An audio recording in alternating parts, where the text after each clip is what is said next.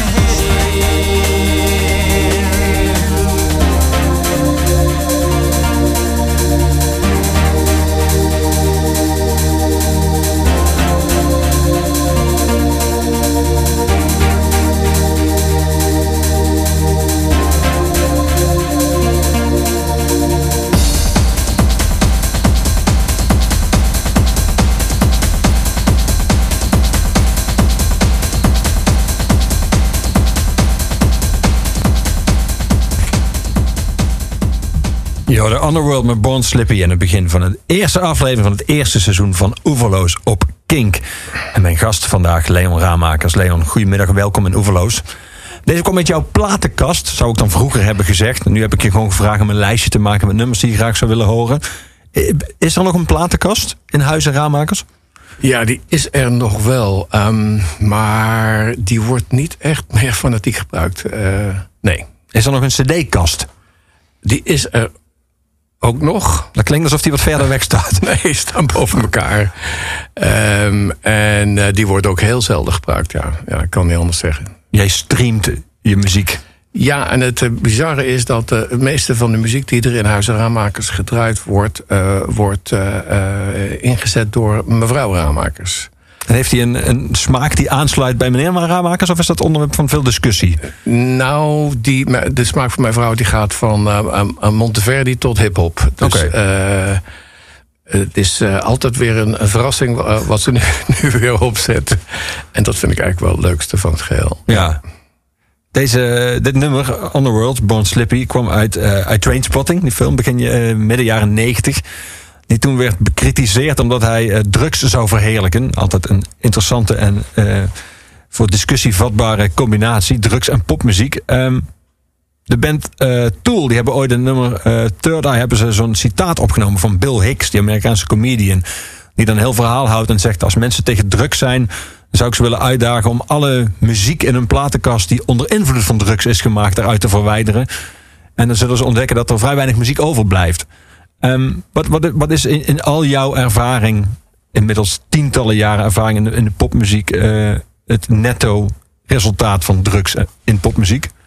Eh, daar kan ik heel eh, kort over zijn. Eh, ik heb geen flauw idee, want ik ben eh, nooit bezweken voor de verleidingen van, eh, van de drugs. Dus ik kan me dus ook niet voorstellen eh, wat er in je hoofd gebeurt als je LSD eh, bijvoorbeeld gebruikt. Ik heb één keer van mijn leven van iemand een LSD-pil gekregen. En die zou ik die avond gaan eh, slikken. Ehm, en toen zaten we in de Mensa te eten. En toen zei een vriendje van mij, ga je mee naar de film?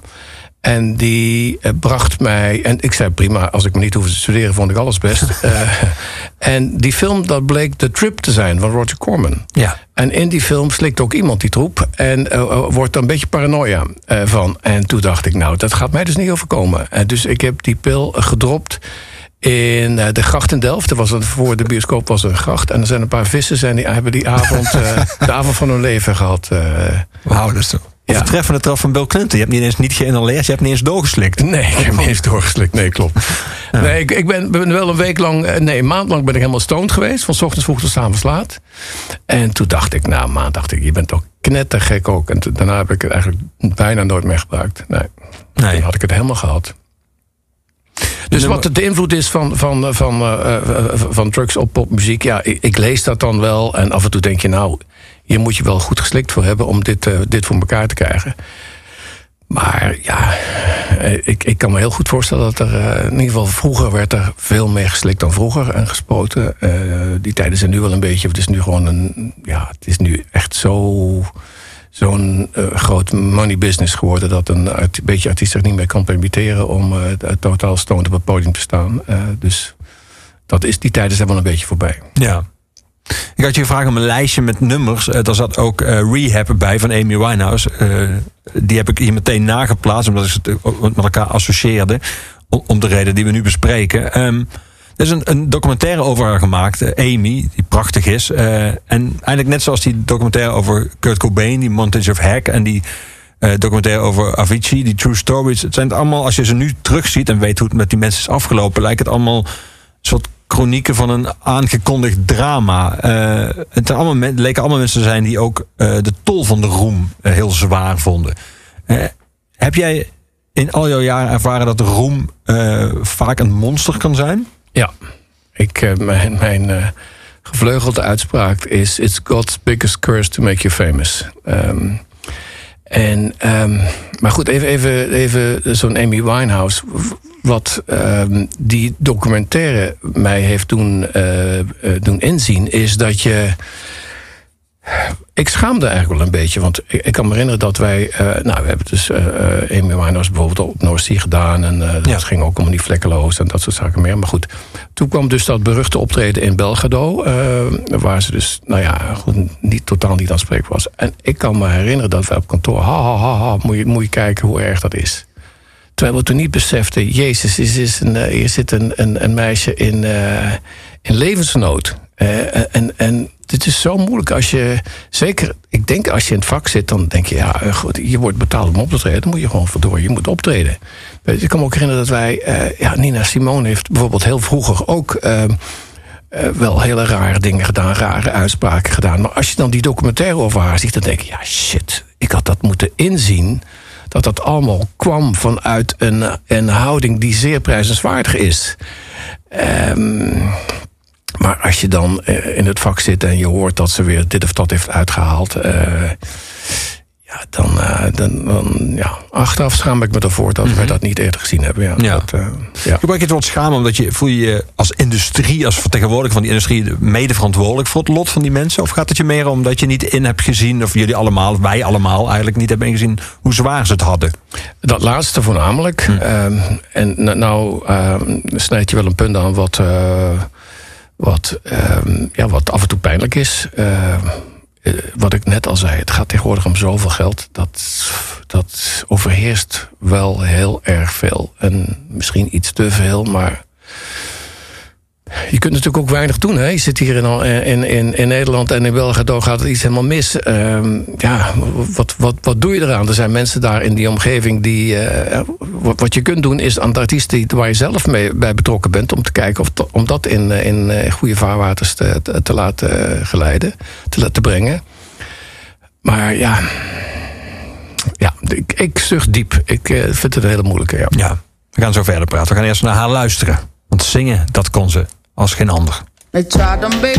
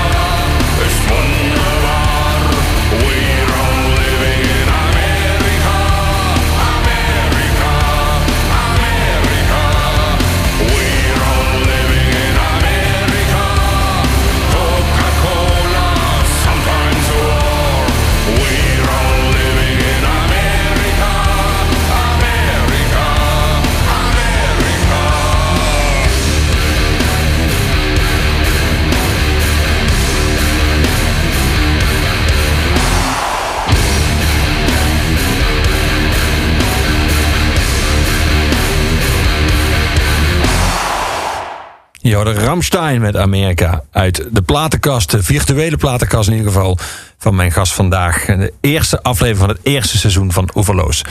Medeoprichter van Mojo en la- jarenlang de directeur, Leon Raamakers. Even, je even, even, ik ben geen medeoprichter. Hè? Eh, Barry Visser heeft het opgericht. En ik ben er wel al snel bijgekomen, maar Barry was de oprichter. Oké, ik dacht dat jij in, zeg maar, samen Barry had opgericht, maar dat, jij komt er iets daarna. Nou ja, laten we zeggen dat we het samen gemaakt hebben, maar Ja. hij heeft het opgericht. Oké, Ja. dan is dat bij deze hersteld. Ja. Ehm, Ramstein, kun je nog de eerste keer herinneren dat je ze zag?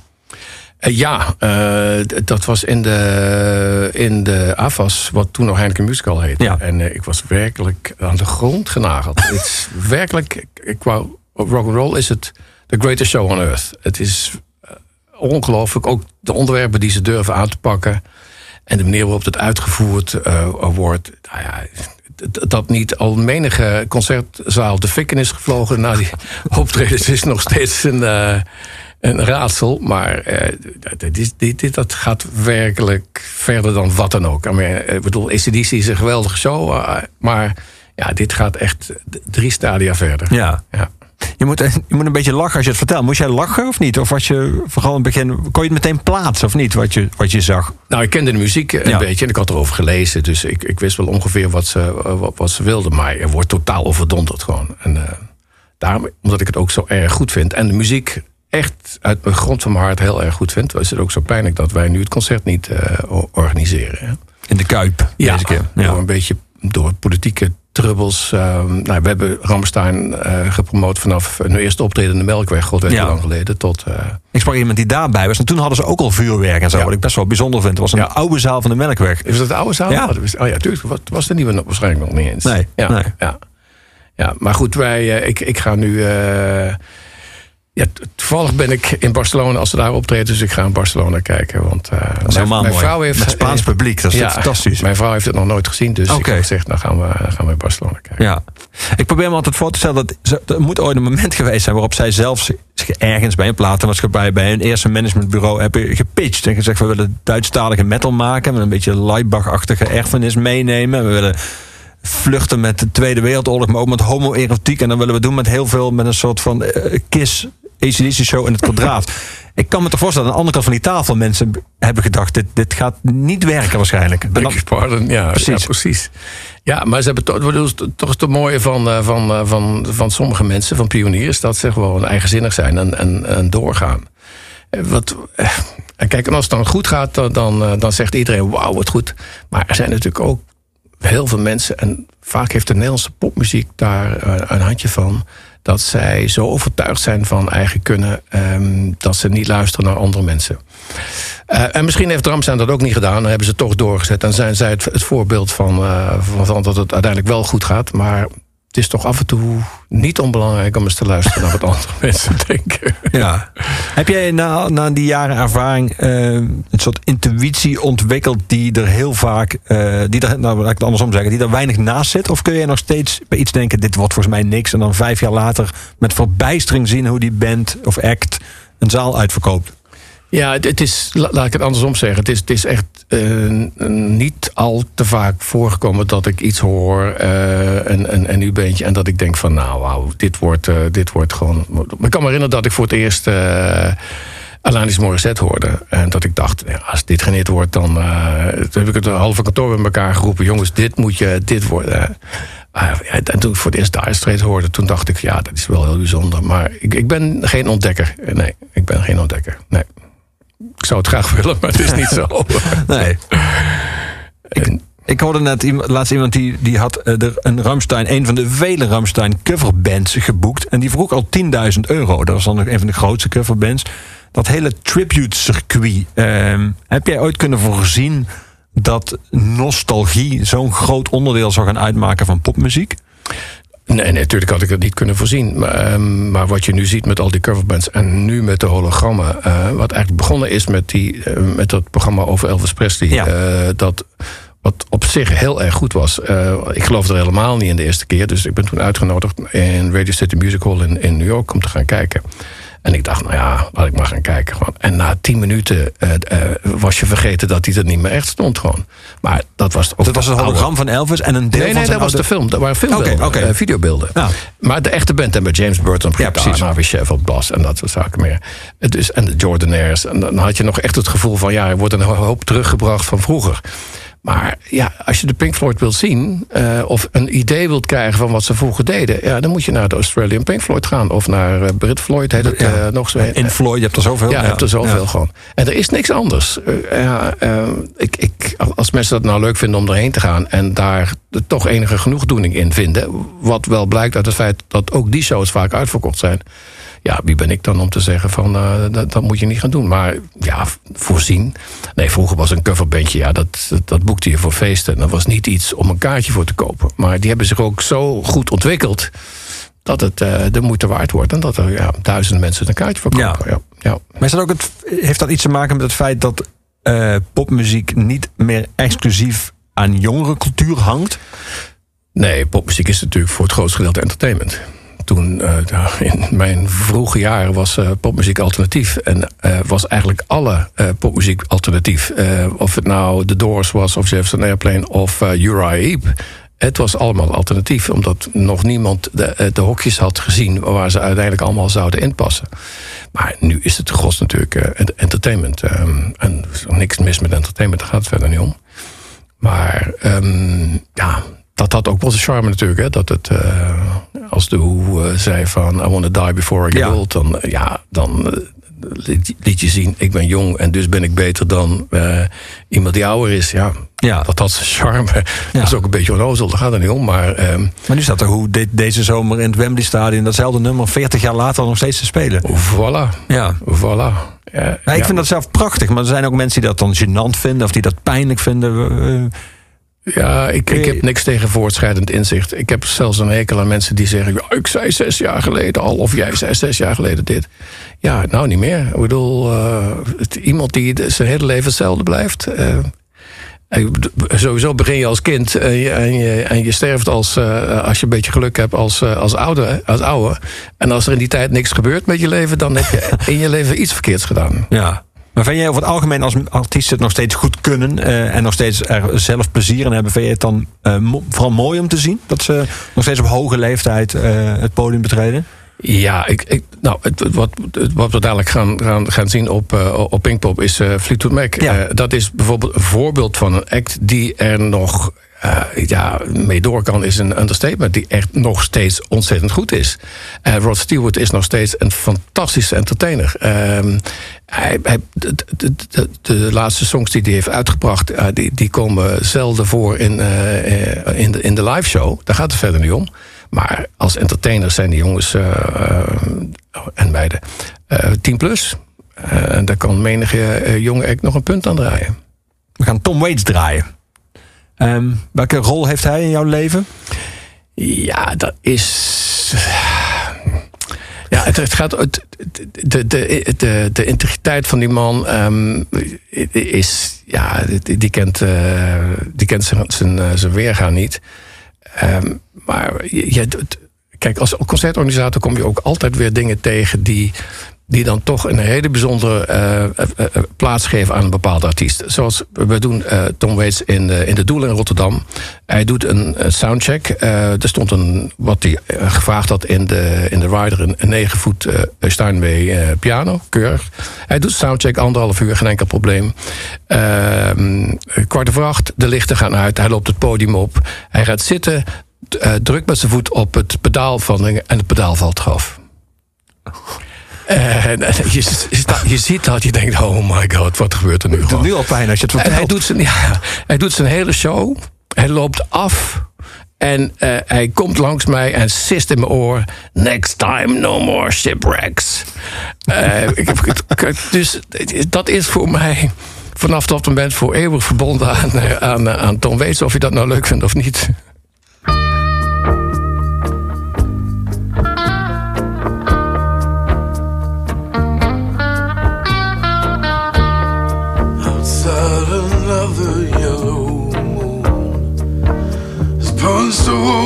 Nighttime, yes. I climb to the window and down to the street. I'm shining like a new dime. The downtown trends are full of all those Brooklyn girls. They try so hard to break out of their little worlds. Well, you wave your hand and they scatter like crows. They have nothing that will ever capture your heart. They're just thorns without the rose. Be careful of them in the dark. Oh, if I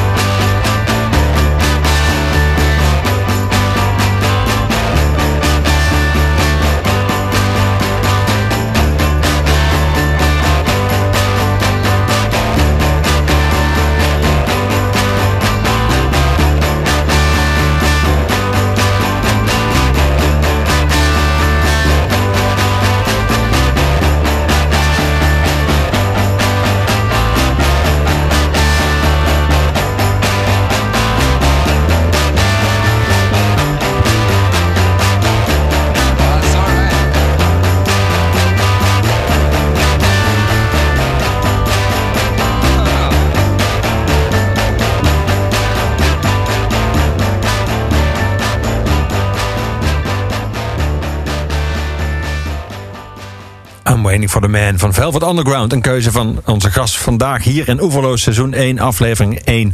Leon Raamakers. Ehm, Leon, Lou Reed stond bekend als eh, voor de pers in ieder geval notoir lastig. eh, zeer hoekig. Eh, was hij dat ook voor concertorganisatoren en promotors? Ehm, nou, ik had dat wel een, eh, een, een, goede relatie met, eh met Lou. Dat kwam, weet ik ook niet. Maar eh, hij, hij kon wel heel moeilijk zijn, ja. ja maar als je hem dan maar... ehm, ik kan me herinneren, een keertje we een show in het Concertgebouw in Amsterdam. En toen had hij een, een monitor mixer. En die jongen was een, eh, een enorme fan van, van Lou Reed. En hij had deze baan aangenomen. Terwijl hij eh, als eh, front-of-house mixer veel meer geld kon verdienen bij andere bands. Gewoon omdat hij van Lou's muziek hield. Ja, kon hij elke avond op, op een gegeven luisteren. moment, tijdens de soundcheck... begint Lou te schelden op hem dat er iets mis was.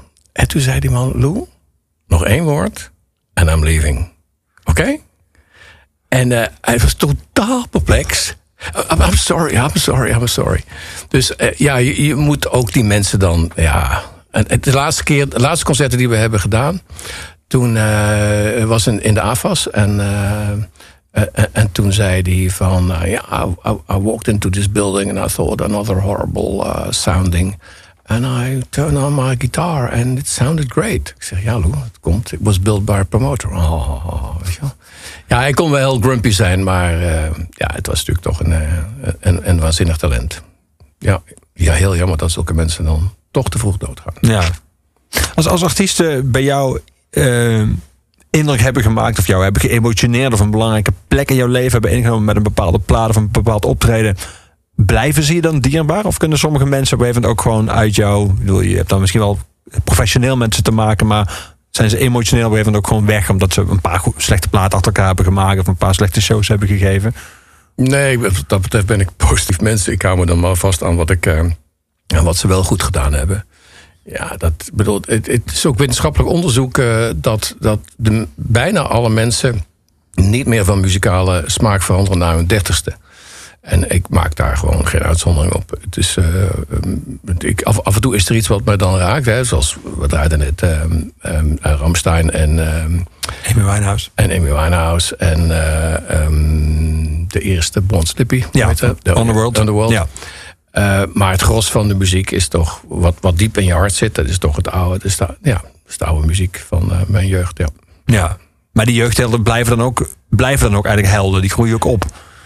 ja, want het is niet zo dat je zegt van nou, vroeger vond ik het hartstikke leuk en nu vind ik er niks meer aan. Ik bedoel, ik zal eh zelden Santana draaien, maar als ik dan die plaat weer eens opzet. eh, ik was helemaal, helemaal stuk van Caravanserai. Een, een plaat die het eigenlijk niet zo goed gedaan heeft. eh, maar dan, als ik dat dan weer een keertje opzet, dan bloei ik weer. Ja, ik kan niet anders zeggen, dan bloei ik weer helemaal op. Het, dat is nou zo. Ja, we gaan dadelijk Bob Dylan draaien. Eh, dat was het eerste stadionconcert dat jij en jullie eh, organiseerden in 1978. Ja. In de Kuip, we hadden net over de Kuip, dat Ramstein daar gaat spelen. Ja. Maar dat was toen, die is inmiddels ook jarenlang niet meer in gebruik geweest, maar die was toen nog nooit gebruikt voor popconcerten. Klopt, ja. Ehm, je zei in het begin van eh, ons gesprek dat er heel veel is veranderd in de muziekindustrie. Dat het veel professioneler is geworden. Dat er veel meer geld, veel meer entertainment factor. Ehm, ik zou me op basis daarvan kunnen voorstellen dat een, een stadionconcert eh, nu organiseren in, bijna niets lijkt op toen. Klopt dat? Of is het eigenlijk gewoon precies hetzelfde?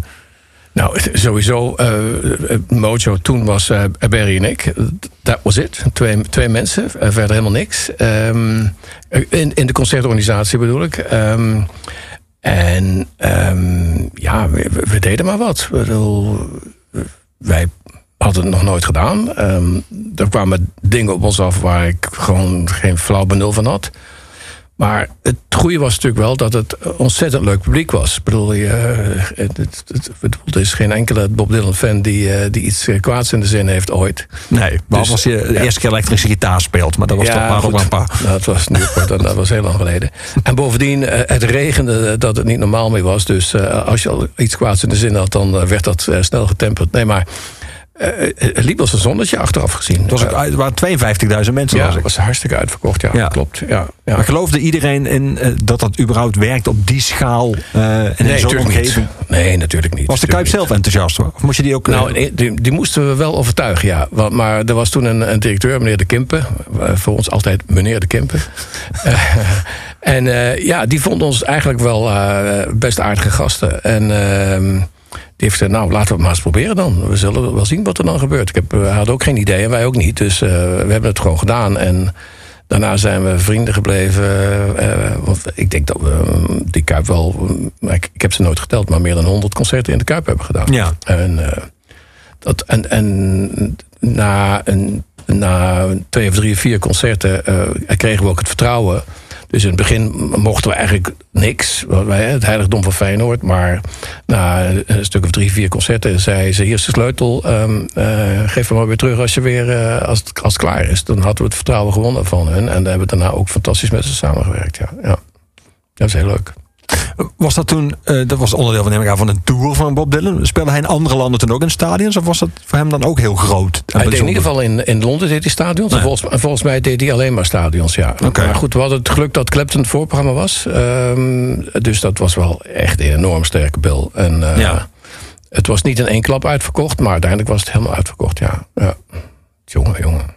Ik las ergens dat er toen nog eh, sterke drank zelfs werd geschonken. Zeker te weten. Je kon gewoon jenever kopen. hè? En er was die dus post op de tweede ring die zei... als iemand naar beneden liep om een biertje te halen... eh, breng mij ook een neutje mee. En toen vertelde een kennis van mij... die had een kaartje ervoor. Hij had geteld. Had hij 17 van die glaasjes op de reling staan. eh. die heeft niet veel van het concert meegemaakt, denk ik. Nee, nee.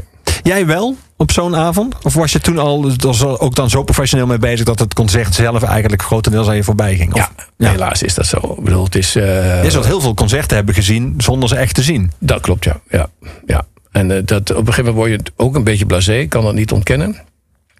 Maar je bent toch eigenlijk altijd bezig met van gaat het goed? Eh, vaak moet je de, de manager entertainen eh, of, of, of de productiemanager of is er iets aan de hand of de zaaldirecteur of er komt eh, pers of hoogwaardigheidsbekleders of weet ik veel wat. Dus ehm, om echt te gaan zitten en eens lekker te gaan luisteren. Dat gebeurt eigenlijk alleen maar als je wordt uitgenodigd eh, door collega's eh, In andere in landen. andere vaak. landen. Ja. En dan krijg je gewoon een, een stoel en dan, dan ga je gewoon zitten. Maar dat, Maar, maar, maar kun je het dan wel? Of zit je dan ook ja, nog dan is steeds... het af en toe wel moeilijk, ja. ja. Dan is het af en toe moeilijk, ja. ja. En dan ga ik toch af en toe wel een rondje lopen. Want het is eigenlijk... Het is mijn leven geworden. hè. En, en dat leven eh, is dus eh, ehm, eh, is een dienst van niet van zelf naar muziek luisteren, maar van mensen faciliteren om naar muziek te kunnen luisteren. En die taak heb ik altijd wel vrij conscientieus opgevat. En dat heb ik ook altijd zo gevoeld. En ja, dan is de prijs dat je dan zelf niet eh, als luisteraar gaat zitten. Ja, dat is dan de prijs die je moet betalen. Ja. We gaan daar verder praten. We gaan eerst naar luisteren naar Bob Dylan.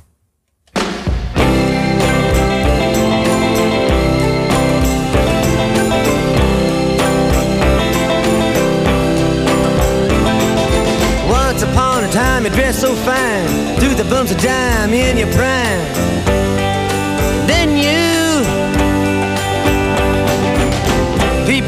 Say, beware, doll, you're bound to fall. You thought they were all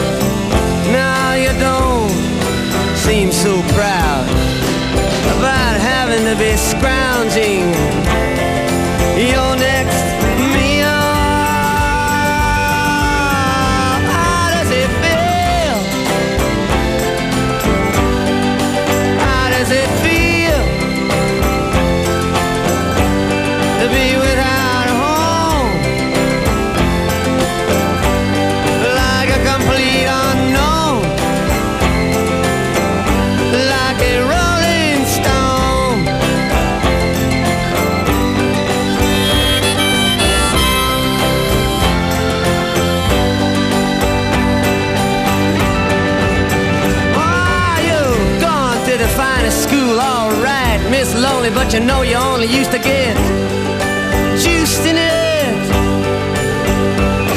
Nobody's ever taught you how to live out on the street, and now you're gonna have to get used to it.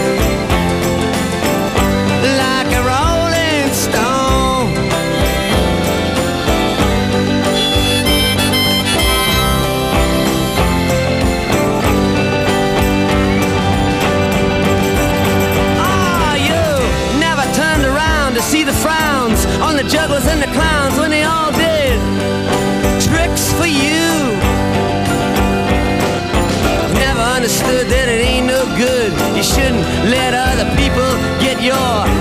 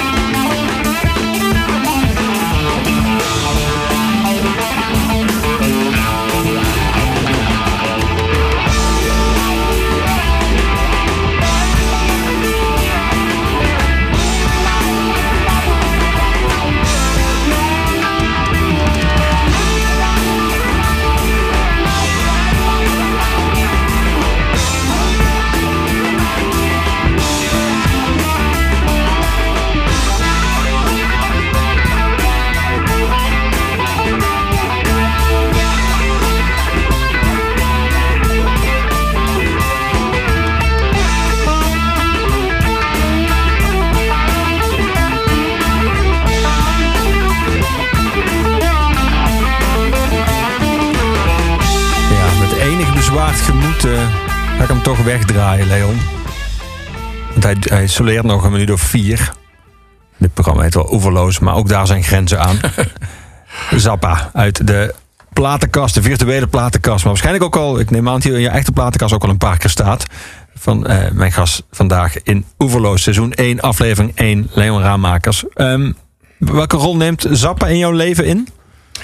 Ja, dat is. ehm, eh, wij waren niet de eerste die Zappa naar, eh, eh, naar Nederland brachten. Dat was Paul Arquette. Ehm, dus dat was altijd een beetje.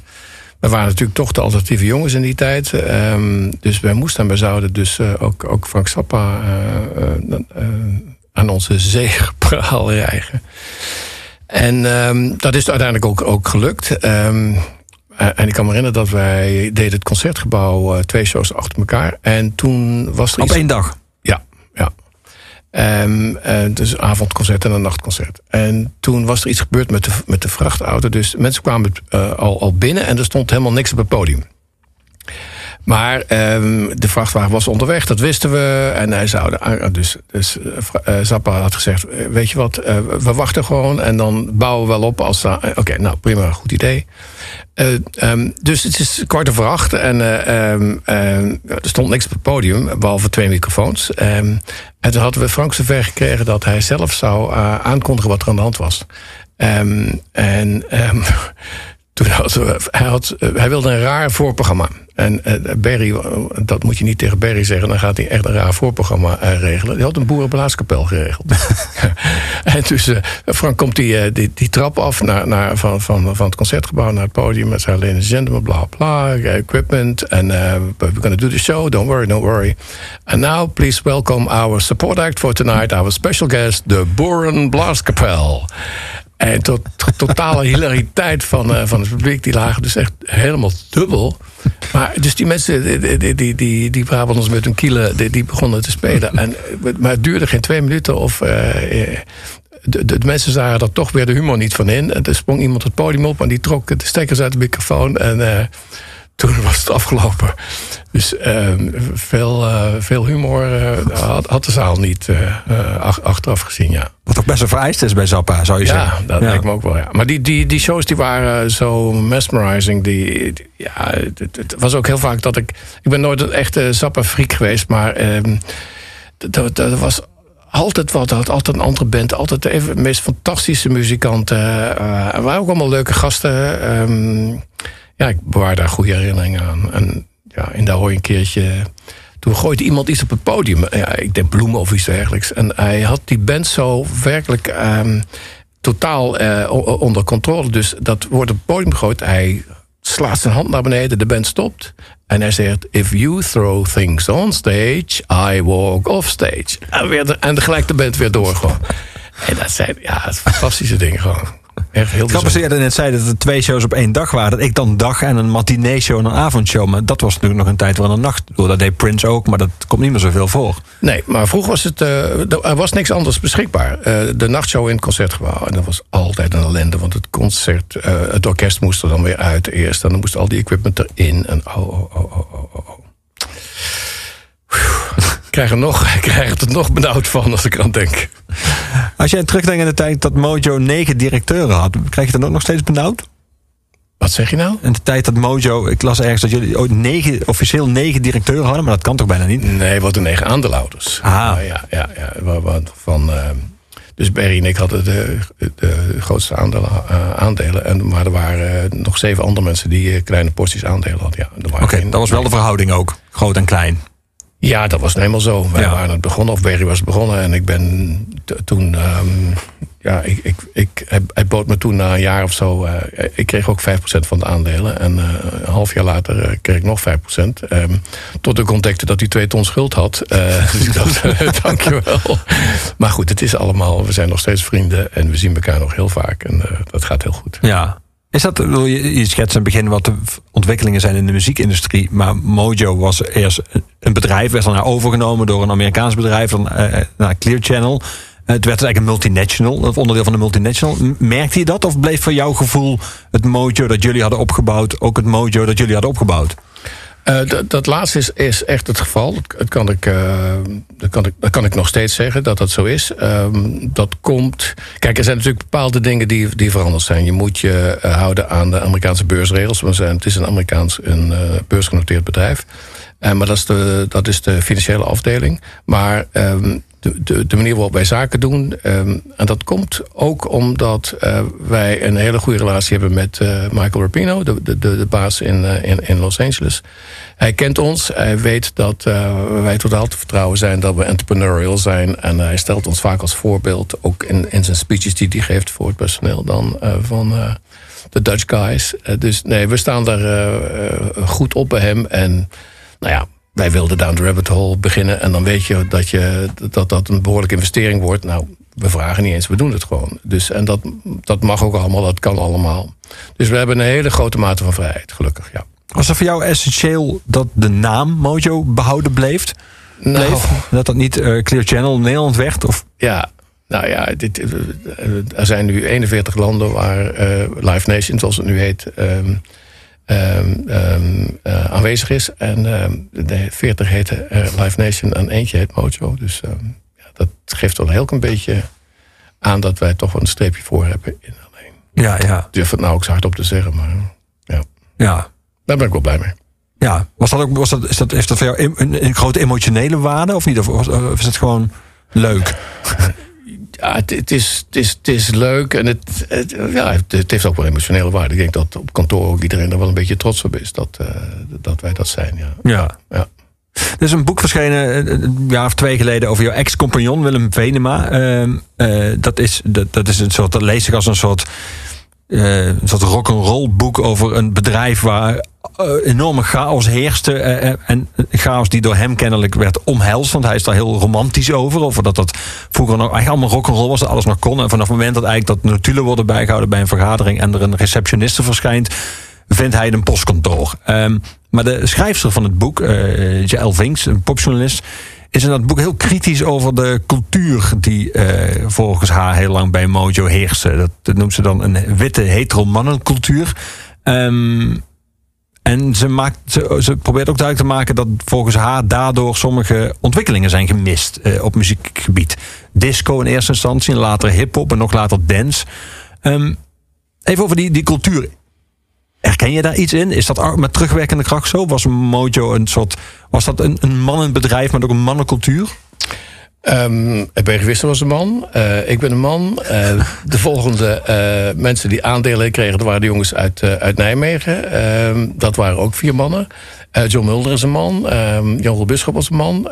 Dus ja, ik kan niet anders zeggen. Het waren mannen. Ja. Maar het is niet zo dat wij hebben gezegd van... oh, je bent een vrouw, je mag er niet in. Of je bent geen witte Hollander, geen kaaskop, je mag er niet in. Nee, dat is, het is gewoon zo gegroeid. En, dat is gewoon zo. Ja. M- Meer kan ik er niet van zeggen. En eh, vroeger chaos en, eh, en, en daarna niet meer. Ik kan me dat ook... Nee. Met alle respect voor Willem, maar eh, Willem heeft een zijn hele eigen kijk op, op de gebeurtenissen. En dat mag allemaal. Het boek heet dan ook eh, zeer terecht volgens Willem. Dus Ja, dat, dat precies, wel- precies. Ja. Ja. Ik, ik ben gevraagd om... om ik, ik zou ook geïnterviewd worden. Heeft die, de schrijfster mij, mij gevraagd. Maar Willem had als subtitel... De onbeschofte geschiedenis van rock in Nederland. En ik heb gezegd, nou ja, ik vind alles best... maar ik doe niet mee aan een boek dat mijn geschiedenis onbeschoft vindt. Nee. Want ik vind mijn eh, geschiedenis niet onbeschoft. Nou, toen zei ze, nou, dan eh, inter- interviewen we jou toch niet. Dus dat is ook niet gebeurd. Overigens ook niet de ondertitel geworden. Dus kennelijk heeft hij dat bij de uitgever ook niet erdoor gekregen. Precies. Ja. Ja, ja. Maar die, nog even daar, dat slot eh, hierover. Dat, dat, dit is, dus, ik zou zeggen, het is een verwijt. Je zeggen, het is een constatering dat sommige muziekstromingen eh, aan jullie voorbij zijn gegaan. In eerste instantie in ieder geval. Ehm, en dat, dat, dat wijt zij dan aan het feit dat het vooral mannen waren. Of alleen mannen die de, die de cultuur vormden. Of die de dienst uitmaakten bij Mojo. Maar dat verwijt op zichzelf. Of die constatering op zichzelf. Dat sommige stromingen, dat jullie die gemist hebben. Klo- Klopt dat, vind jij? Ja, zonder meer. Ehm, Ook die, die zij noemt. Dus we hadden het over disco en daarna hip-hop en dance. Dat- Nou, disco hebben we niet. Nee, dat is een beetje overdreven allemaal. Omdat het zijn toch constateringen dat je niet precies weet hoe het, eh, hoe het gaat. We hebben natuurlijk wel geprobeerd om eh, disco eh, te doen. Maar bedoel, kun je herinneren dat er, er was zo'n Duitse act, Silver Convention heette die. En die had ik geloof ik vier of vijf nummer één hits. En als je ze dan eh, zei van ze spelen, ze, treden op in het concertgebouw of, of ergens, dan, werden er 200 kaarten verkocht. Di- eh, disco verkocht geen tickets. was Eh, natuurlijk geen live muziek. nee, nee. voor- disco verkocht gewoon geen tickets. Dus Verkocht alleen platen. we hebben niks Ja. gemist, want er was niks. En ja, we hebben het best wel geprobeerd, maar het bleek keer op keer dat er gewoon geen kaarten voor worden verkocht. En dan hou je er snel mee op. Ja. Nou, dan de volgende grote stap was de dance. Ja. En ehm, toen kreeg ik dus st- steeds meer berichten uit Engeland eh, van eh, de raves. En eh, daar wordt ontzettend veel geld verdiend. Dus toen heb ik eh, ehm, in, in, in de vergaderingen die we op kantoor hadden, heb ik gezegd: jongens, wij moeten daar in die, in, in die, in die raves gaan. En ehm, toen zei dus eigenlijk iedereen, en dat is echt gewoon een blunder geweest achteraf. het is precies hetzelfde als disco. Hè? Want disco verkoopt ook geen kaartjes. Disco was Boy Meets Girl. En eh, elektronische muziek, DJ's, was ook, daar ga je naartoe, Boy Meets Girl. Dan ga je een drankje drinken enzovoorts. Dat DJ's eh, zelf grote sterren zouden worden, dat- stond niet op onze horizon. Nee. En ehm, toen heb ik nog contact gehad twee keer met de twee grote, wat het, daarna de twee grote organisatoren, organisatoren werden. ID&T. ehm, en ehm, daar zouden we mee gaan samenwerken. Maar wij stelden één simpele eis. Er was één jongen die we niet vertrouwden. Wat achteraf ook bleek dat dat zo was. En dat was de voorwaarde, die moet eruit en dan gaan we samen. Dat wilden ze niet, dus die zijn eh, lekker verder doorgegaan. En ik heb een keertje met mensen van, ehm eh, van eh, Spaanwouden, van Dance Valley. Dance Valley, ja. En ik ben rondgelopen op dance daar in Spaanwouden voor de eerste. en toen. En eh, nou, eh, hier, op, hier zou die tent komen, daar zou dat komen. En eh daar zei weet je wat, we gaan we even een kopje koffie drinken. En het was koud. En ehm, eh, ik, ik stelde toen, de vraag van... ehm, wat gebeurt er als de eerste editie nou geen, geen succes wordt? Want ik, ik vond het wel een hartstikke leuk idee.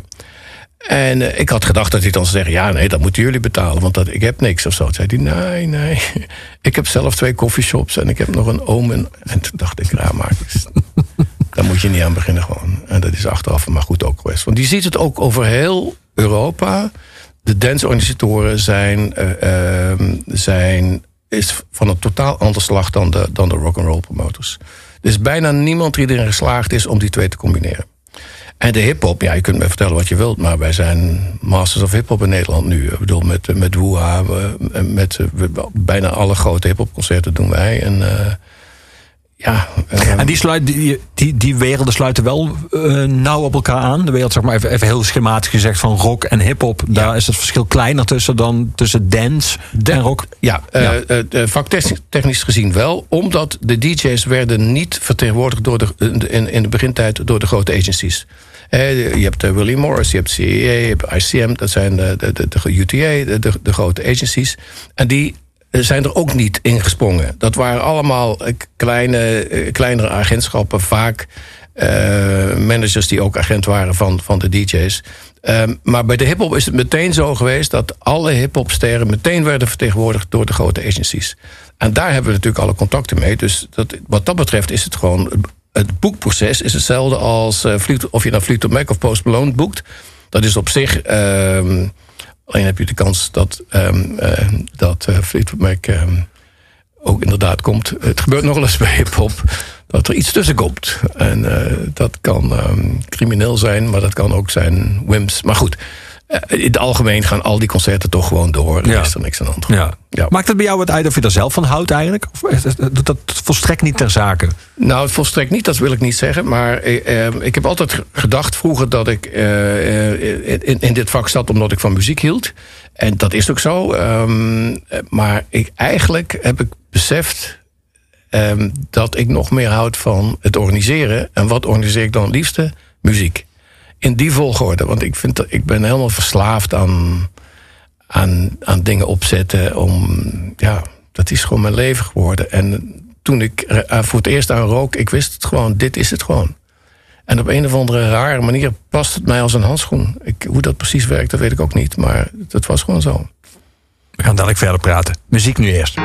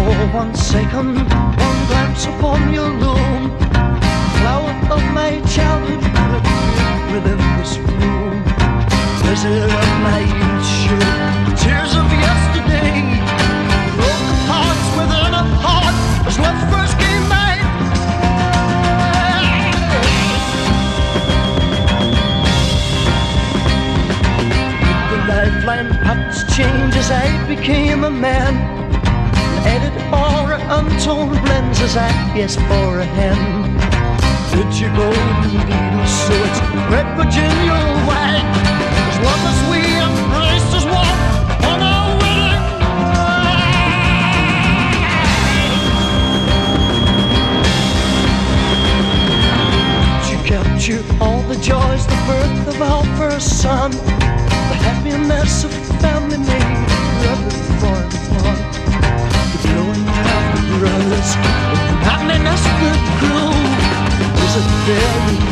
Is it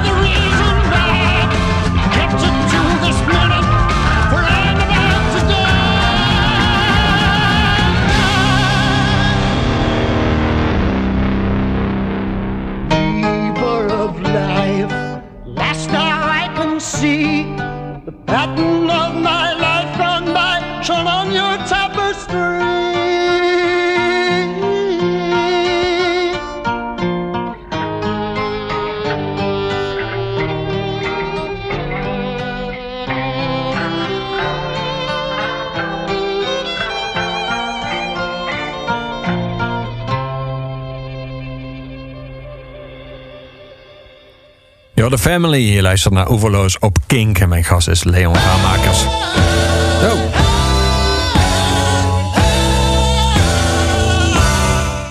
Dat was nog even Family. Die ging gewoon door. Stond die op dat festival in Kralingen in 1970? Ja. Was het goed? Ja, ik ben altijd een fan geweest van, eh, van de band. Ehm, en dan leer je ook dat eh, je eigen fanship eh, een, nooit een leidraad mag zijn om een band te boeken. Want eh, ik denk niet dat we ooit één cent verdiend hebben aan family. Maar steeds als ze belden, zeiden we weer ja. En, en dus dat moet je niet te veel doen gewoon. Eh, nee. Je moet toch enige... Ik vind het ook wel charmant. Dat je ook wel probeert een band die je tof vindt, toch doorheen te drukken. Ja, dat klopt. Maar, financieel gezien is dat geen goed idee. Nee. zakelijk is dat geen goed idee. Nee, klopt. Ja, ja.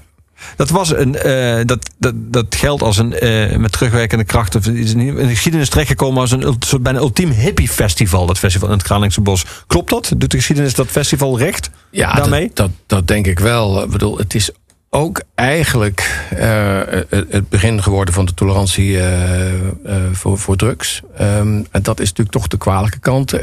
Ik was nou, een aantal jaar geleden bij een, ehm, een zus van mijn vrouw. En eh, ja, die zei, wij wonen hier dus naast eh, mensen. En ehm, hun zoon is op Kralingen begonnen met ehm, ehm, aan de drugs. En hij is, eh, we hebben hem net begraven. Ja, dan gaat er wel even iets door je, door je heen. Maar ja, het, het was. Eh, het, was ongehoord. Ik, ik kan me herinneren dat eh, je had toen de, eh, de, de beroemdste popjournalist was zo'n beetje Pim Oets vroeger. En die schreef nog twee dagen voor het festival in zijn krant dat, eh, dat kon natuurlijk niet waar zijn dat al die groepen zouden komen. Dat, eh, hè, dat, dat, zou, dat zou nooit lukken. Nou, ze waren er dus wel. En ehm, het ging allemaal niet op tijd, want de Pink Floyd ging pas om drie uur s'nachts op, geloof ik. Maar eh, ja, het, het was. eh, Maar ik, heb, ik heb toen eigenlijk eh, voor het grootste gedeelte gewerkt. Dus van de sfeer van het festival heb, heb ik, kan, ik kan niet zeggen van ik heb drie dagen Love and Peace meegemaakt. Want ik, ik moest zo hard werken dat ik, eh, ik, ik, moest op zondagochtend moest ik voor Santana een eh, taxi bellen, kan ik me herinneren. En ehm, ik lag onder een tafel, eh, onder een tafel lag ik te slapen en ik met de wekker naast me. En toen zei de taxi één ogenblik en een uur later hoorde ik piep, piep, piep, piep. Santana heeft die dag zelf voor een taxi moeten zorgen. Ja, ja. En toen dacht jij, dit wil ik de rest van mijn leven doen. Ja, absoluut. ik was echt, ik vond het fantastisch. Ik vond het geweldig. Ja. En denk, waar zit hem dat in? Zit hem dan in Ja, de ik- aanblik van al die mensen die naar hem zin hebben? Of zit het in het feit dat het lukt? Dat het lijkt me allemaal Ja. logistiek en organisatorisch. dat het dat- rondkomt? Of wat, wat, is, wat is dan de, de kick? Ja, de, Of is dat geen goed woord, kick? Jawel, het is, het, is, het is echt een soort kick, ja. ja het, is, het is echt een soort kick dan van... Ja, vroeger was ik... eh, ik, moest degene, ik was degene die vroeger eh, de eerste in de, in de hooi was. ochtends om half zeven. En dat was nooit een probleem op te staan. En dan kom je dus in die hooi en het is hartstikke leeg. En dan ga je om twee uur s'nachts weer naar huis. En is het weer leeg. En in die tussentijd is er een wondertje gebeurd. En dat, dat, ik, dan ging ik altijd... Je was doodop. Maar je ging altijd met een enorme grijns op je gezicht... ging je, eh, ging je in je huurautootje ging je lekker naar huis. Want het, ja, dat was... Ja, ik, ik weet het is heel moeilijk om dat, om dat uit, te, uit te leggen. Maar het was een kick gewoon, ja. ja. Nou, misschien kan, kan dat aan de hand van wanneer dat niet zo is. Ehm, als je dat gevoel niet hebt als je s'nachts naar huis rijdt, is, is dat dan bij concerten die eh, niet uitverkocht waren? Of als je het gevoel hebt dat de artiest veel beter kon? Of waar, ja. wat, wat, is de, wat is de factor die die euforie eh, weghaalt? Over het algemeen. Nou, ik, ik kan me herinneren. ehm, maar goed, dat is weer een anekdote. want Het wordt hier wel eh anekdoteland. Maar ehm, we hadden een keertje geld verloren met, eh, met eh, Lou Reed in de hooi. Eh, 80.000 gulden of zoiets. Het was, het was echt behoorlijk slecht. En toen ben ik ja, na afloop om, om één uur s'nachts of zo... of twee uur in, in mijn auto gestapt. En ik dacht, nu naar huis. Dus ehm, ik vrij veel te hard. En, en ik word vlak voor het uitgaan van Rotterdam... word ik eh, staande gehouden door een politieagent. Zegt meneer, u heeft eh, vier overtredingen begaan. U reed te hard. U bent door de, de, de verkeerde kant. Nou ja, door het rode stoplicht, de hele Santekraam. Ik zeg, nou meneer, ik heb net 80.000 eh, gulden verloren met een concert in Ahoy. Dus dat, dat kan er nog wel bij. Oh, oh, nou rijdt u dan maar weer door. Gewoon. ja, ja, ik... ehm, Nee, het, het was dat hoorde erbij. Ehm, het, het is, als je geld verloor, ja, dan verloor je geld. Maar je wist gewoon, de volgende keer zal het wel beter gaan. En eh, dat heeft me nooit... Bovendien weet je het lang van tevoren dat je geld gaat verliezen. Dus je, je bent aan die idee gewend. Ehm, en ja, dat hoort er nu eenmaal bij. En dat, dat, daar, daar wen je aan. Ja. Ja, heel raar, maar daar wen je aan. Maar als je geld verloor, eh dat dacht ik daar wel heel veel. Maar als je geld verloor, maar je zag dat die mensen die er waren wel een avond hadden waar ze waarschijnlijk nu nog over praten. En die artiest had helemaal naar zijn zin. Dempte dat dan de, de, de, de rouw om het geld, zeg maar? Nou, het, het, het, het is voornamelijk zo dat de, eh, eh, er is niks leukers dan een volle bak. Ook voor het publiek. Hè? En, en als het dan half leeg is, dan in jouw perceptie is het dan van... ja, hebben de mensen toch gekozen voor de verkeerde zaal bijvoorbeeld? Ik, ik, ik weet niet eh, Ja. hoe ik dat moet uitdrukken. Maar eh, ja, een volle zaal is, is zoveel leuker dan een half lege zaal. Dat, ik denk dat je dat ook wel weet. Ja, nee, Ja, zeker. Ja, Ja. ja, dat geeft zoveel meer... Een hele lege Elan. zaal geeft wel het feit dat je weet dat als het legendarisch is, dat heel veel mensen daarna zullen beweren dat ze erbij waren. Dus die Oh, zeg maar ja. terugwerkende kracht was die dan vol. Ja, die 800 man die, die bij het eerste concert van Prins waren... Ja, dat zijn er dat duizenden zijn er, inmiddels. Dat zijn er nu duizenden, dat klopt, ja. ja. Eh, Je hebt nu al twee keer gezegd, je zei dat bij Amy Winehouse. Je zei het net ook over die buurvrouw van, de, van eh, de zus van je vrouw. Die, eh, die, die in Kralingen, ehm, die, die buren van haar die in Kralingen aan de drugs waren begonnen. En nu, eh, dat- je een soort van, je lijkt een soort verantwoordelijkheid te voelen. Eh, maar ik kan me voorstellen, je kan niet zo'n te zwaar op je gemoed drukken als je voor al die 50.000 mensen elke keer je persoonlijk verantwoordelijk voelt. Nee, dat is ook zo. Ehm, dat is ook zo. Maar ja, verantwoordelijk voel je je er niet voor. Maar het is, eh, laten we zeggen, op zijn minst is het jammer dat, het, eh, dat, dat, dat die samenhang er af en toe geweest is. En ehm, ja, ik, ik- het- wie ziet nou graag eh, eh, het leven van jonge mensen naar de kloot te gaan? Ik bedoel, Heb je er wel eens gehad dat je dacht, eh, er zijn natuurlijk ook festivals geweest waar dingen zijn misgegaan, Roskilde bijvoorbeeld, eh, dat je je je kan het werk natuurlijk niet als je je voorstelt wat er zou kunnen misgaan. Je moet zorgen dat het niet misgaat en dat alle zeg maar de voorwaarden gecreëerd worden waarop het zo, de kans zo klein mogelijk is. Maar het, het- er kan altijd iets gebeuren, maar daar kun je ook niet Ja. aan denken natuurlijk. Ja. Nee, maar goed, we hebben die. eh, A, hebben we de consequenties af en toe genomen. Toen, eh, toen wij dus zagen dat, eh, dat de druk op het podium steeds groter werd. de aantallen mensen werd steeds groter. Ehm, toen zagen we dat dat, eh, dat, dat, dat vlak voor dat podium gevaarlijker en gevaarlijker werd. Toen hebben we geëxperimenteerd met eh, dranghekken, met toestanden. Ehm, en toen hebben we op een gegeven moment... eh, is, is John Mulder bij ons is, is gekomen en zegt... nou, dat is onhoudbaar. Wij, moeten, wij moeten gaan investeren om, dat, om die druk te verminderen... om het aantal casualties te, te verminderen. En toen hebben we gewoon gezegd van... nou, John, ga je gang. Hoeveel geld heb je nodig? Dat moet je vooral gaan doen. En eh, toen is dus de Mojo Barrier ontstaan. En ja, ik, ik met, met alle... Ik, durf het haast niet te zeggen, maar ik doe het toch. Ehm, als bij Roskilde onze Henk hadden, gedaan, hadden gestaan... dan was het beter afgelopen dan nu. Hè? En, ehm, dus we hebben ook wel eh, eh, gezien wat er mis was. En we hebben er iets aan gedaan. En we hebben dat eigenlijk... eh, en dat heeft een hele grote impact gehad. Want eh, de Mojo Barrier is nu de standaard over, over heel de wereld. Echt van, van noord tot zuid, van oost tot west. En we hebben het nog een keertje gehad toen eh, crowdsurfing echt heel eh, groot aan het worden was. En ja, dat is allemaal prachtig en hartstikke leuk, eh, crowdsurfing. Maar wij kregen steeds meer klachten van mensen die de tanden uit de, Ja. uit de mond wer- werden gemapt. Eh, security die de mensen moest opvangen. die, die, ellebogen die braken. En toen hebben we gezegd, ja jongens, eh, dat is leuk voor een paar mensen... maar helemaal niet leuk voor een heel, heel veel meer mensen. En toen zijn we eigenlijk de eerste ter wereld geweest... die hebben gezegd, nou, nu is het afgelopen. Wij verbieden eh, crowdsurfing. Ja. En eerst eh, was het hoongelach eh, werd, ons, werd ons deel. Dat bochtje werd nog heel erg belachelijk gemaakt, herinner ik me nog. Ja, ja, een echt ja, ja. officieel bochtje natuurlijk. maar een half jaar later was het overgenomen door heel de wereld. Door heel de wereld. Heb je zelf ooit gecrowdsurfd? Nee. Ik sterker nog, wat ik, wat ik laatst tot ontdekking kwam... ik heb eigenlijk nooit in de drukte voor het podium gestaan. Mijn hele leven niet. En ik ga het ook niet meer doen. Want eh, als je de, zeg maar voor Kralingen, eh, hoe, groot was toen de rol van muziek in jouw leven? Volgens mij, jou- jouw ouders waren helemaal niet zo muziekliefhebbers. Nee, nee. Stond er, ik stond er wel muziek op bij jullie thuis? Nee, nooit, nooit, nooit, nooit. Nee, ik zeg dat... Stond, dat- stond de radio op of was het gewoon Nee. stil? stil. Hm. De amusicaliteit van mijn vader werd slechts overtroffen door die van mijn moeder, zeg ik altijd. Eh, of andersom, dat weet ik niet meer. Maar ik, ik ontdekte dus, ik, ik, zat, ik woonde dus in een gehucht van een heel klein dorpje. ehm, en ehm, mijn venster op de wereld eh, werden twee dingen: Eh, de atlas en de radio.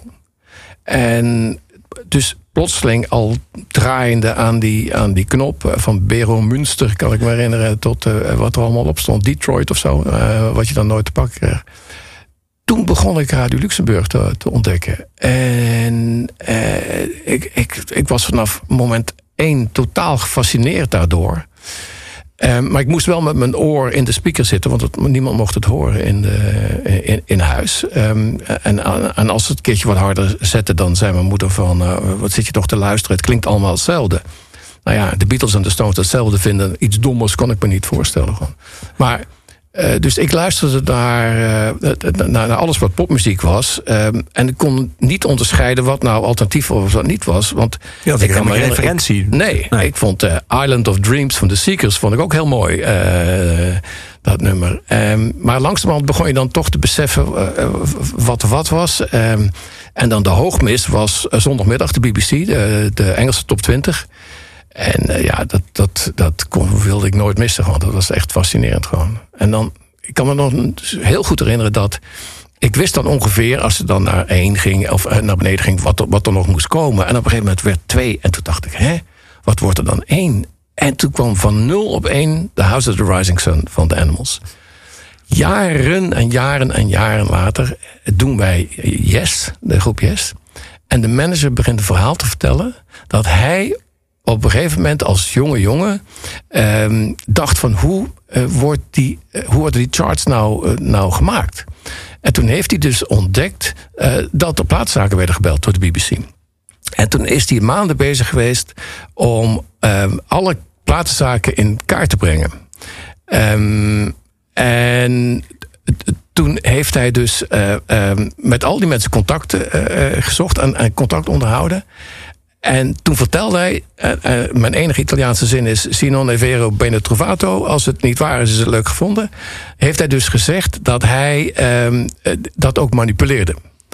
En dat, dat hij ne- net, net had uitgevonden hoe dat allemaal werkte. En dat hij toen een keertje uit een keldertje muziek hoorde.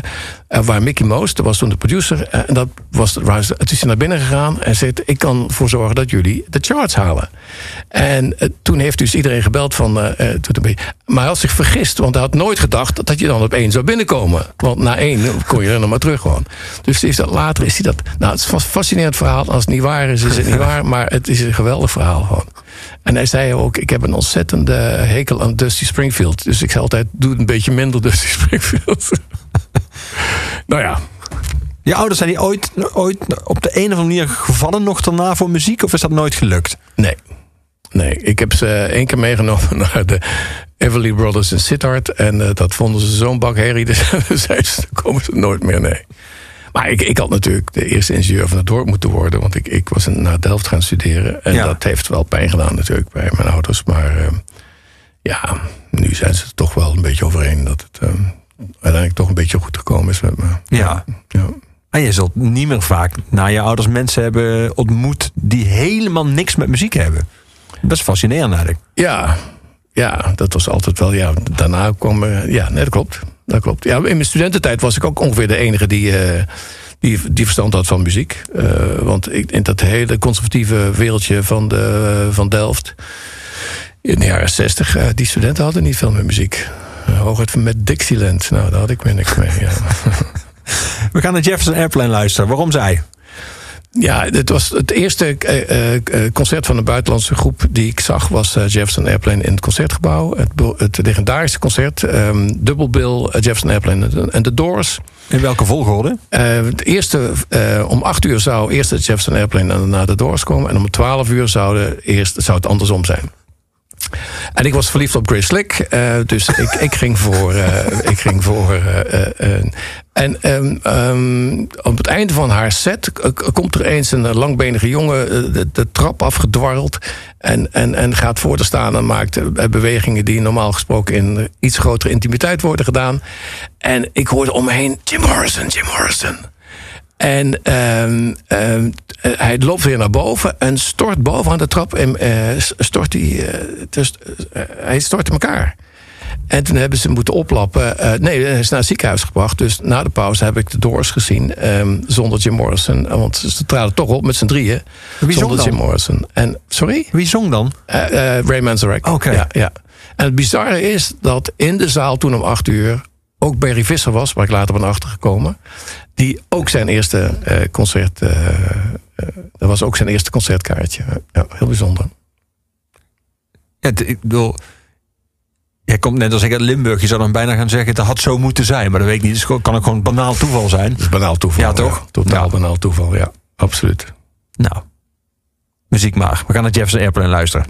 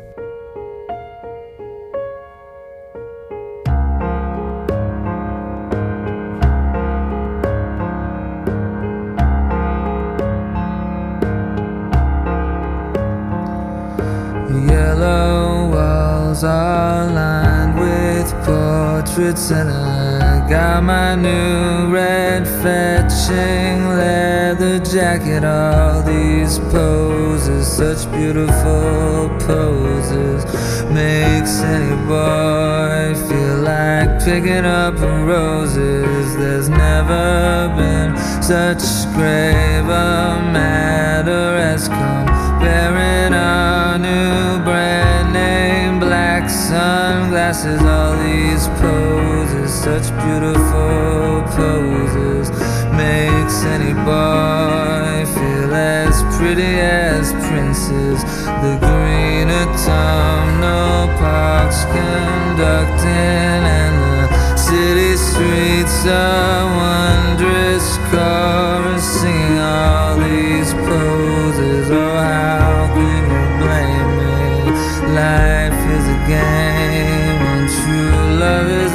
a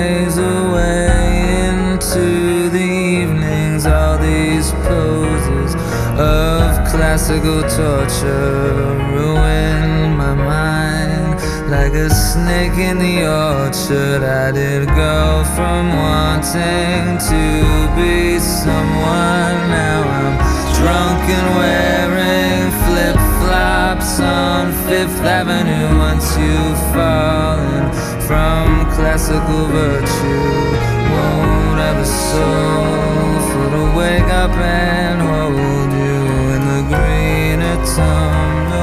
park, conducting all the city streets. are wondrous chorus singing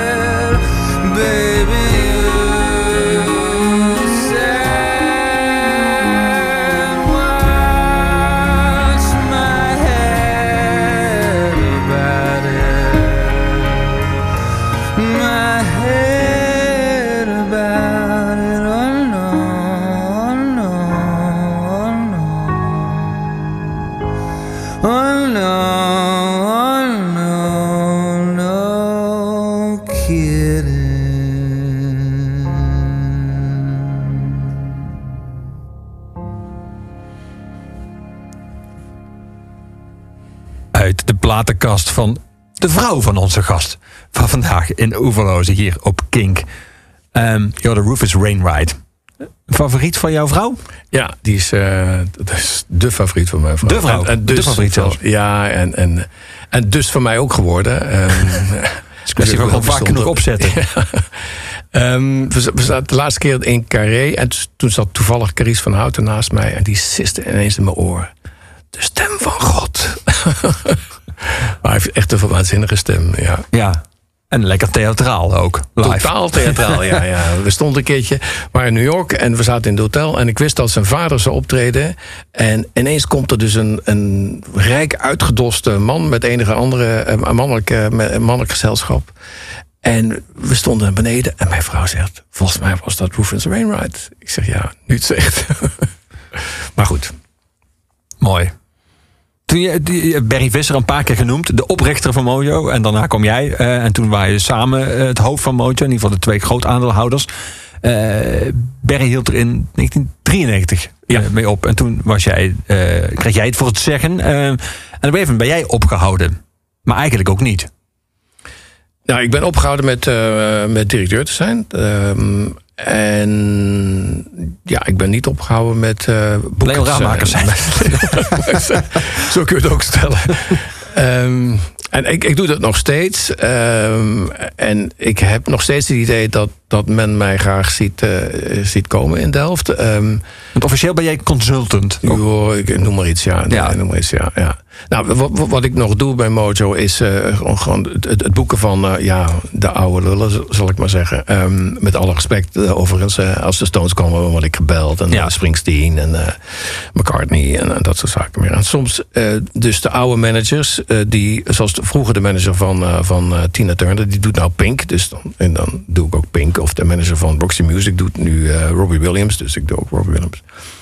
En is Maar- dat allemaal omdat loyaliteit of soort elkaar kennen en al, al jaren vertrouwen een grote rol speelde in die, in die verhoudingen dan? Ja, er wordt wel vaak gezegd eh, eh, tegenwoordig... if you want loyalty, buy a dog. Ehm, maar eh, er, er zijn toch nog mensen die loyaliteit nog steeds hoog in hun vaandel hebben staan. Met, met bijvoorbeeld de, de, Bruce Springsteen... Die, die gewoon, zijn manager zegt gewoon... zolang jij niks verkeers doet, blijf voor jou bellen, punt. Ehm, en dat is wel heel erg leuk, dat kan ik niet anders zeggen gewoon. Maar mijn andere taak bij, bij Mojo vind ik zelf om, eh, om de, de, de jongere mensen een beetje te stimuleren om entrepreneurial te zijn. Om, eh, jongens, als je iets leuks vindt, doe het vooral. En eh, laat je niet afschrikken. En als het misgaat, gaat het mis. Pech gehad. Ehm, en als je vier keer eh, mis hebt, dan word je ontslagen. Een grapje.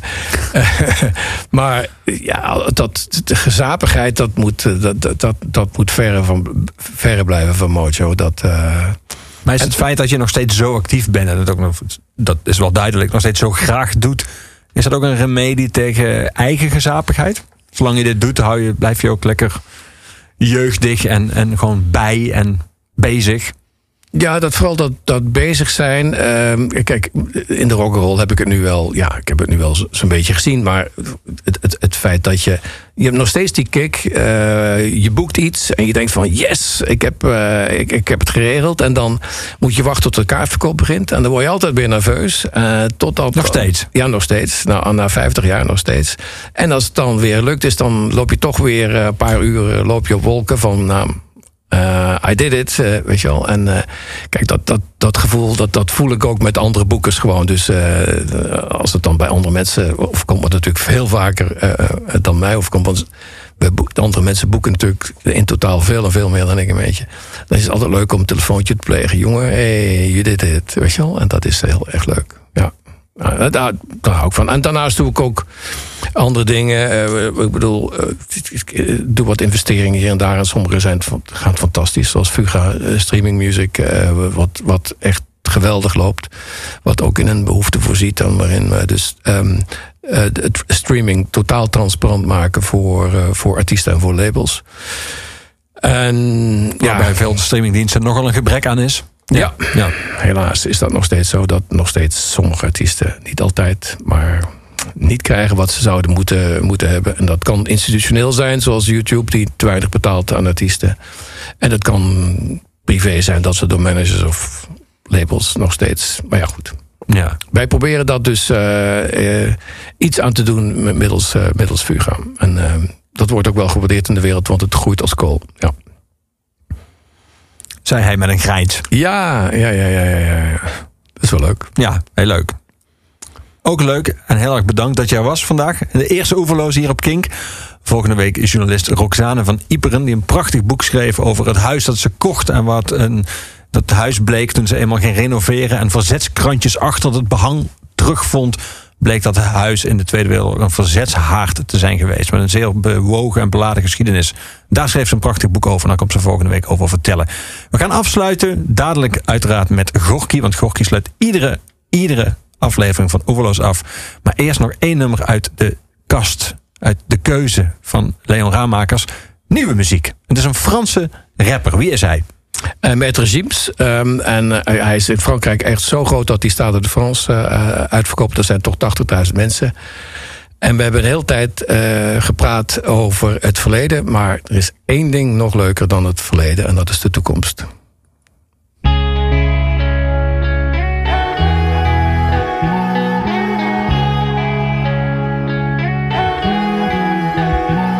Je me tire, me demande pas pourquoi je suis parti sans motif. Parfois je sens mon cœur qui s'endurcit. C'est triste à dire, mais plus rien ne m'attriste. Laisse-moi partir loin d'ici. Pour garder le sourire, je me disais qu'il y a pire. Si c'est comme ça, bah fuck la vie d'artiste. Je sais que ça fait cliché de dire qu'on est pris pour cible. Mais je veux le dire juste pour la rime. Je me tire dans un endroit où je serai pas le suspect. Après, je vais changer de nom comme Cassius Clay. Un endroit où j'aurais plus besoin de prendre le mic. Un endroit où tout le monde s'en tape de ma life.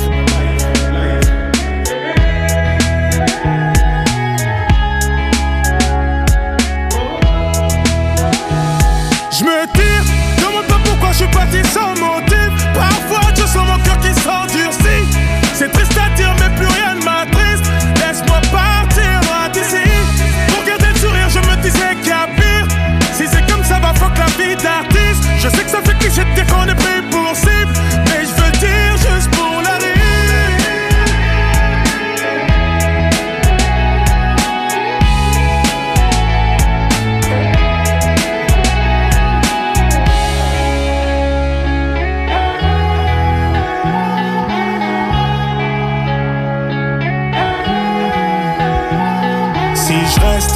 gens me fuiront sûrement comme la peste. Vos interviews m'ont donné trop de mots de tête. La vérité, c'est que je m'auto-déteste. Faut que je préserve tout ce qu'il me reste. Et tous ces gens qui voudraient prendre mon tel, allez leur dire que je suis pas leur modèle. Merci à ceux qui disent me qui on t'aime, malgré ta couleur ébène. Je me tire dans un endroit où je serai pas le suspect.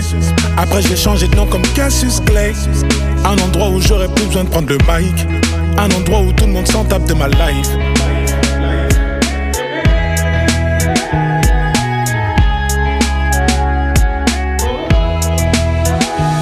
Je me tire, me demande pas pourquoi je suis parti sans motif. Parfois je sens mon cœur qui s'endurcit. C'est triste à dire, mais plus rien ne m'attriste. Laisse-moi partir loin d'ici. Pour garder le sourire, je me disais qu'il